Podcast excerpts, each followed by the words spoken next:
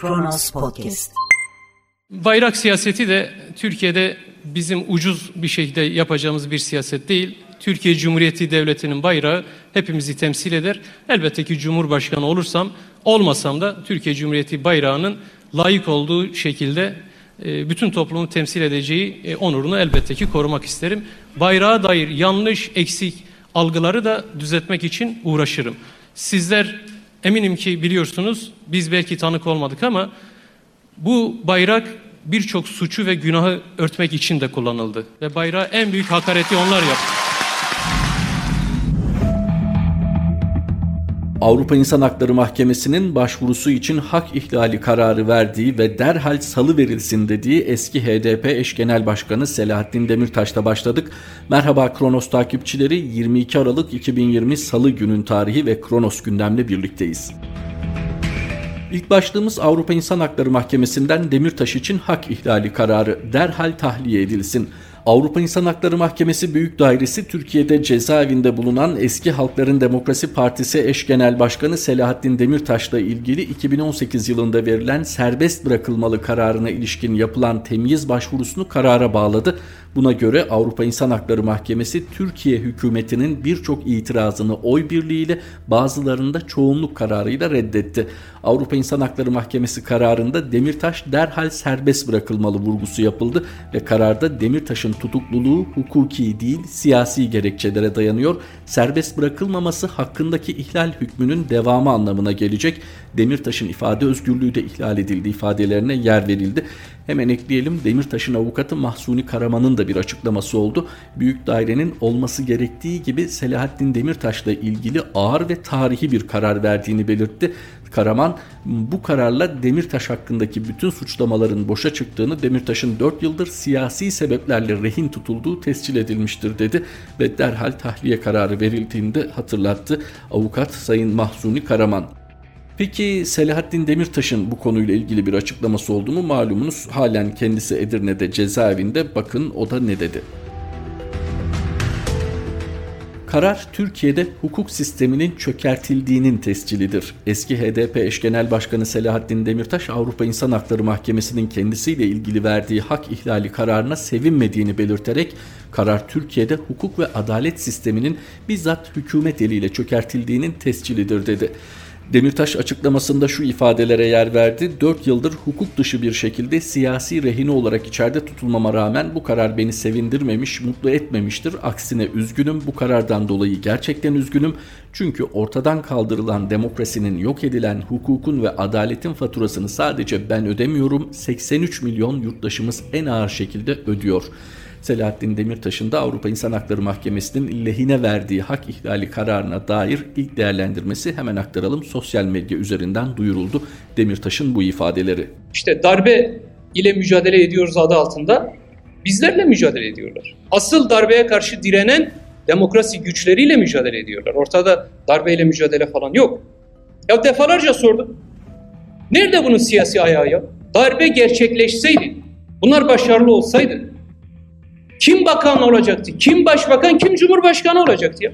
Vali olacak olanlar kimlerdi? Niye bunları açıklamıyorsun?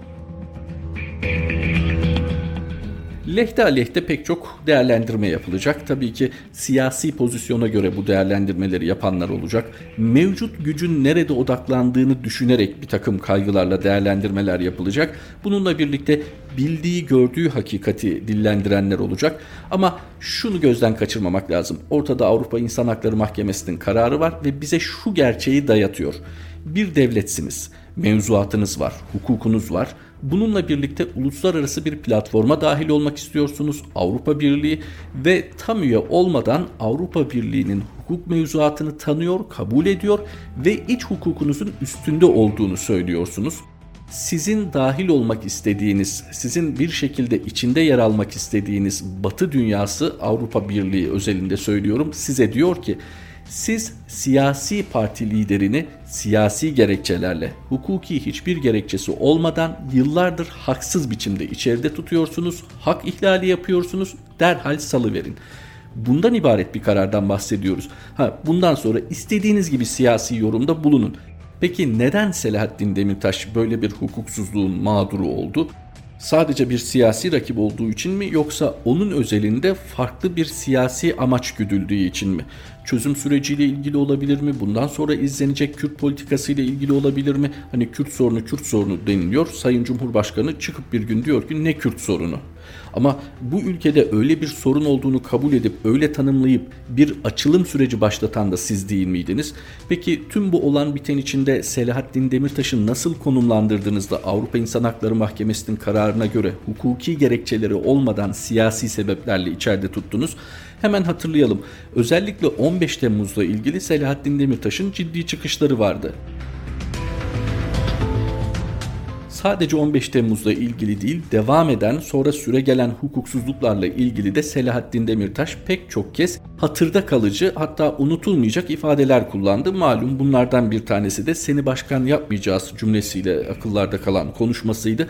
Tüm bu konuşmaların toplamı belki Selahattin Demirtaş'ın bir muhalif aday olarak potansiyelini yükselten içeriklere sahipti. Acaba siyasi bir tedbir mi alındı ya da düşüşe geçeceği öngörülen AK Parti oylarını yükseltmek farklı coğrafi bölgelerden kendi partisine kanalize edilmesini amaçlayan bir hamle miydi? Bununla birlikte diğer siyasilere, muhaliflere bir gözdağı mıydı?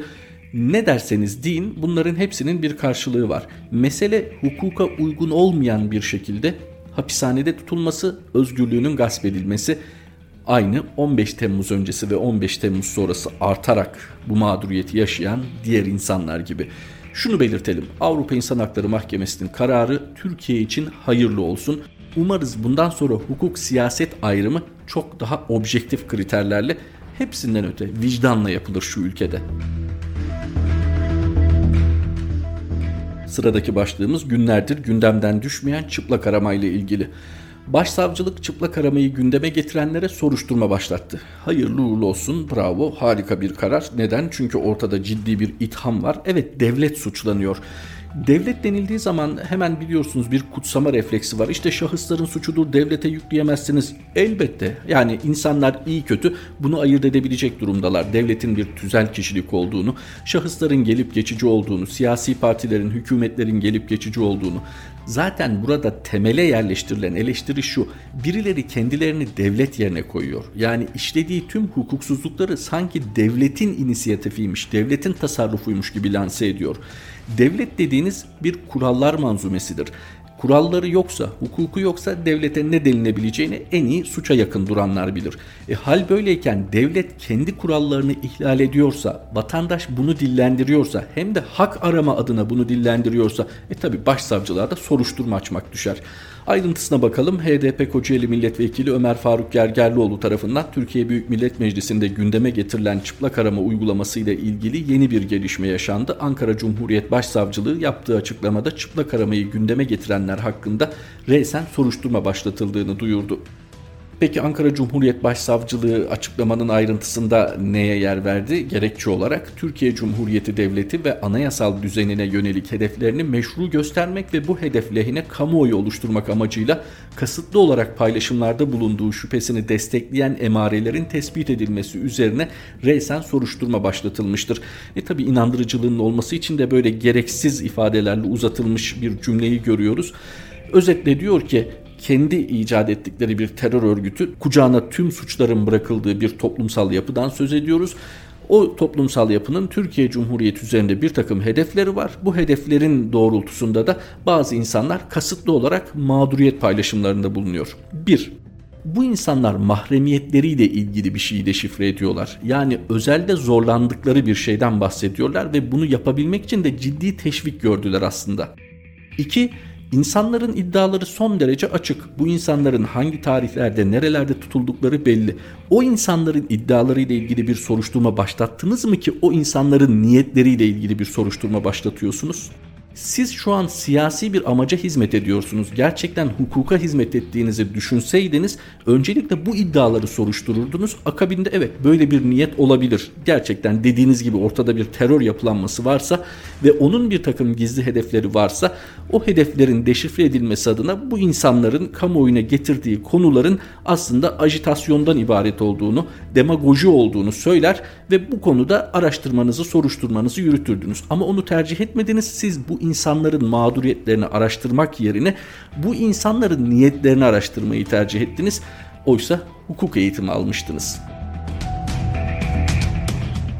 Tabii konuya tepkiler de var. Önce şunu belirtelim. Türkiye Büyük Millet Meclisi'nde HDP'li 22 kadın milletvekilinin verdiği soru önergeleriyle konu meclis gündemine taşındı. Bu önemli bir gelişme kayda geçmesi açısından tabii ki önemli bir gelişme. Akabinde şunu da belirtelim.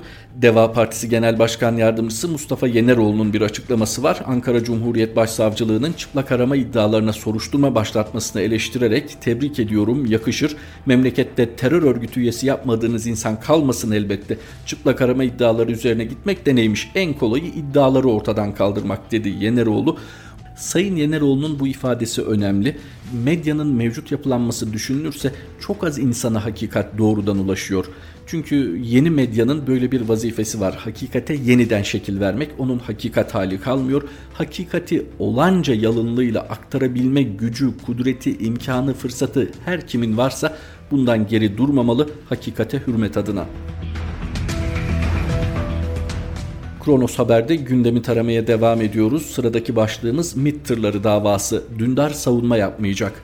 Can Dündar'ın avukatları yaptıkları açıklamada önceden zaten belirlenmiş siyasi bir hükme hukuki meşruiyet kazandırma pratiğinin parçası olmak istemiyoruz dedi. Gazeteci Can Dündar'ın avukatları Bahri Bayram Belen, Tora Pekin ve Abbas Yalçın İstanbul 14. Ağır Ceza Mahkemesi'nde görülecek MİT tırları davasının duruşmasına katılmayacaklarını beyan eden dilekçeyi mahkemeye verdi. Mahkemeye sunulan dilekçede bağımsız olmayan mahkeme huzurunda savunma yapmayacağız ifadeleri kullanıldı. Mahkeme heyetinin adil bir yargılama yapmamakta ısrar ettiği, tarafsız ve bağımsız bir görünüm vermeye özen bile göstermediği, bu dosyaya özgü özel bir ayrımcılıkla savunmanın bilgisi ve katılımı olmadan sık sık resen duruşma oturumları yaptığı vurgulandı bir tepki koymak lazım. Yani ortada hukuk görüntüsü altında gayri hukuki işler dönüyor. Ne usule uygun ne esasla uygun. Sayın Can Dündar'ın avukatlarının tepkisi de bunu ortaya koymaya yönelik. Zaten siz siyaseten bir karar vermişsiniz ve verdiğiniz bu karar üzerine siyasi bir söylem inşa etmişsiniz ve şimdi de mahkeme eliyle bunu hukuk çerçevesi içine almaya çalışıyorsunuz. Evet şu an güç sizde bunu yapabilirsiniz ama biz buna alet olmak istemiyoruz Gayet yerinde bir tepki. Cumhur İttifakı'nın oy oranı %45 en önemli sorun ekonomi. Kamuoyu araştırma şirketi MAK Danışmanlık son anketinde katılımcılara yarın genel seçim olsa oyunuzu hangi siyasi partiye verirsiniz sorusunu yöneltti. Cumhur İttifakı'nın oyu kararsız seçmenler dağıtıldığında %45.8'de kalırken katılımcıların %43'ü Türkiye'nin en önemli sorunu nedir sorusuna ekonomi yanıtını verdi. Türkiye'deki kamuoyu araştırma şirketleri malumunuz bazen gerçeğe çok yakın sonuçlar elde ediyor, bazense çok ciddi sapmalar gösteren neticeleri kamuoyuyla paylaşıyor. Yurt dışındaki benzerlerinde de tabii aynı durum var. Mesele sadece şu hata tabii ki olabilir. Hata payı zaten var bu tür araştırmalarda. Onlar da raporlarda teknik olarak zaten belirtiliyor. Ama bir yönlendirme amacı güdüp gütmediği maalesef akıllarda soru işareti olarak kalıyor. Biz devam edelim. Haberin ayrıntısında bakın ne diyor. Anket sonuçlarına göre HDP %8,2, MHP ise %7,8'de baraj altında kaldı. Cumhur İttifakı'nın %45,8'de kaldığı ankette İyi Parti'nin %10,5'luk bir kararsız seçmen olmasına rağmen %11,2 oy alması dikkat çekti. Kararsız seçmenler dağıtıldığında AK Parti'nin oyları %37'de kalırken CHP ise %24,8 olarak görüldü. Hemen belirtelim erken seçimle ilgili de bir değerlendirme var. Erken seçim olmasını isteyenlerin oranı %47. Ankete katılanlar ekonomi ve adalet konularının çözüm beklediği konusunda birleşti deniliyor haberin ayrıntısında. Türkiye'de bir erken seçim olur mu? Galiba en doğru ve en kestirme cevap neden olmasın? Çünkü sadece halkın merak ettiği ve kendi arasında konuştuğu bir konu değil bu. Siyasilerin de gündeminde var. Son olarak İyi Parti Genel Başkanı Sayın Meral Akşener'in katıldığı bir programda ifade ettiğini hatırlatalım. Peki erken seçim ihtimali siyaseti nasıl etkiler? Şöyle bir hafızamızı tazeleyelim. AK Parti hatırlayacaksınız seçim meydanlarında tek başına ve güçlü iktidar isterken neyi gerekçe gösteriyordu? Koalisyon dönemlerinin özellikle siyasi sıkıntılarını. Türkiye gibi ülkelerde siyasi sıkıntıların ciddi ekonomik dalgalanmalara yol açtığı herkesin malumu. Yani benim siyasetle bir ilgim yok diyemiyorsunuz. Çünkü bir sistem ülkesi değiliz hali hazırda. Takdirle söz ettiğimiz özellikle yerleşmiş demokrasilerdeki sistem henüz kurulabilmiş ve hali hazırda işletiliyor değil yine erken seçimi konuşuyoruz. Şu an görüntüde koalisyon yok. Yani parlamenter sistemdeki gibi bir koalisyon yok. E peki ittifak yok mu? Koalisyonlardan daha güçlü bir bağ görüyoruz ortada. İster suç bağı deyin siz buna, ister siyasi bağ deyin ama şu an AK Parti ile MHP arasında Büyük Birlik Partisi'nde tabii ki sayalım. Vatan Partisi bundan uzak değil. Her ne kadar zaman zaman farklı söylemler geliştirseler de Doğu Perinçek'in, Sayın Perinçek'in açıklamalarını atlamayalım. Sık sık aynı gemide olmaktan söz ediyor. Sık sık Erdoğan'ın kendi çizgilerine gelmesinden söz ediyor. Hal böyleyken şu an koalisyon olmadığından söz edebilir miyiz? Yani güçlü ve tek başına iktidar isteyen AK Parti bu vaadini gerçekleştirebildi mi? Kendisine önceki seçimlerde çok ciddi teveccüh gösterilmesine rağmen bu teveccühü demokratikleşme yönünde kullandı mı? Hali hazırda 82 anayasasıyla yönetildiğini unutmayalım ülkenin. Bu konuda onca söylenmiş söz varken, tutulmamış vaat varken, hatta muhalefet partileriyle sağlanmış zaman zaman mutabakat varken hali hazırda ne kadar demokratik olduğumuz konusunu siz onlara değil kendinize sorun, yaşadıklarınızı hesap ederek sorun. Çünkü AK Partililere bırakacak olursanız sözü hala dünyanın bir numaralı demokrasisiyiz, Avrupa Birliği'nden bile ileriyiz, ekonomimiz uçuyor, pik yapıyor. Bugün geldiğimiz nokta itibariyle bir düşünelim. Eğer her şey yolundaysa, eğer her şey iyiyse niçin reformu dillendirmek zorunda kalıyorsunuz? Adalet Bakanlığı çıplak aramayı kabul etti. İstisnai bir uygulama.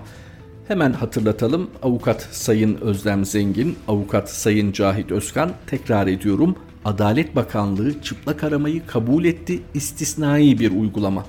Adalet Bakanlığı Ceza ve Tevkif Evleri Genel Müdürlüğü ceza infaz kurumlarında detaylı aramanın yapıldığını kabul ederek ceza infaz kurumlarında detaylı arama istisnai bir uygulama olup gerek uluslararası örgütlerin kabul ettiği gerekse birçok ülkenin uyguladığı bir tedbir işlemidir denildi. Adalet Bakanlığı Ceza ve Tevkif Evleri Genel Müdürlüğü'nden gelen bu açıklama acaba yeterli cevap olur mu inanmayanlara, belge isteyenlere? Tabi şimdi bir takım yorumlara gidilecektir. İşte orada istisna olduğu belirtiliyor. İstisna 1'dir, 2'dir, 3'tür, 5'tir. Türkiye genelinde son bir haftada kaç kişi bu uygulamaya tabi tutulduğunu söyledi. Bakın yeni yeni bunu söyleyenler olduğu gibi tekrar bu konuda teşvik edilerek ya da cesaretlendirilerek söylemeye başlayanları şöyle bir düşündüğünüzde istisna mı rutin mi kendiniz karar verin. Kronos Haber'de Tuğba Demir'in yaptığı bir söyleşiyi duyuralım. Abla Yalçınkaya KHK'li kardeşlerine yardım ettiği için hapse atıldı. Gaziantep'te yaşayan Yalçınkaya ailesinin hayatı 15 Temmuz darbe girişimiyle alt üst oldu. Asker ve polis olan erkek kardeşlerin ikisi ihraç edildi. Balıkesir Susurluk'ta amcalarına ait fabrikada çalışmaya başlayan kardeşler daha sonra tutuklanarak cezaevine konuldu. Abla da kardeşlerine yardım ve yataklık yapmaktan hapse atıldı. Üç erkek kardeş tutuklanınca ailenin tüm yükü bir fabrikada çalışan Hilal'in sırtına bindi. Hilal kırgınım deyip ekliyor. Affetmeyeceğim. Telefonu kapatmıştı o esnada ve benim hiç unutmuyorum o, o bakışlarını. Ee, bana bakarak dedi ki abla beni işte Gaziantep Karakol Komutanlığı'ndan aradılar ve bana e, ihraç olduğumu söylediler. E, ihraç olduğum için silahımı ve kimliğimi teslim etmemi söylediler. Yani ben e, 17 yaşında askeriyeye Beytepe'ye gittiğimde askeriyenin en küçük, Beytepe'nin en küçük çocuğu olduğum için bana süt parası veriyorlardı. 10 yıl boyunca dedi bu ülkeye görev yaptım ve hiçbir şekilde dedi e, hiçbir e, arkadaşımı satmadım. Hiçbir şekilde devletime ihanet etmedim. Hani ben dedi bu vatana dedi canla başla dedi görev yaptım ve dedi hani ailemi de ülkemi de satacak hiçbir şey yapmadım dedi. Dedi ki gidip dedi vereceğim hani hem silahımı. Ben dedi yıllarca dedi bunu dedi sırtımda taşıdım dedi. Benim için dedi çok değerli dedi ve ben kimliğimi de silahımı da vereceğim ama sen şimdilik anneme bir şey söyleme. Ben dedi hani akşam eve geldiğimde annemle konuşacağım dedi. Şimdi babamla gideceğim bunları teslim edip geleceğim dedi. 15 Temmuz. Daha kendisi aydınlatılamadığı gibi sebep olduğu yıkımın gerçek boyutları da tam olarak anlaşılamamış bir faciadan söz ediyoruz aslında. Üstünden 15 Temmuz silindiri geçenler zaten biliyor ama bilmeyenler için bu yıkımın boyutunu öğrenmek için Tuğba Demir'in söyleşisi önemli örneklerden biri. Kronos gündemin sonuna geldik böylece. Kronos Haber'de tekrar buluşmak üzere. Hoşçakalın. Kronos Podcast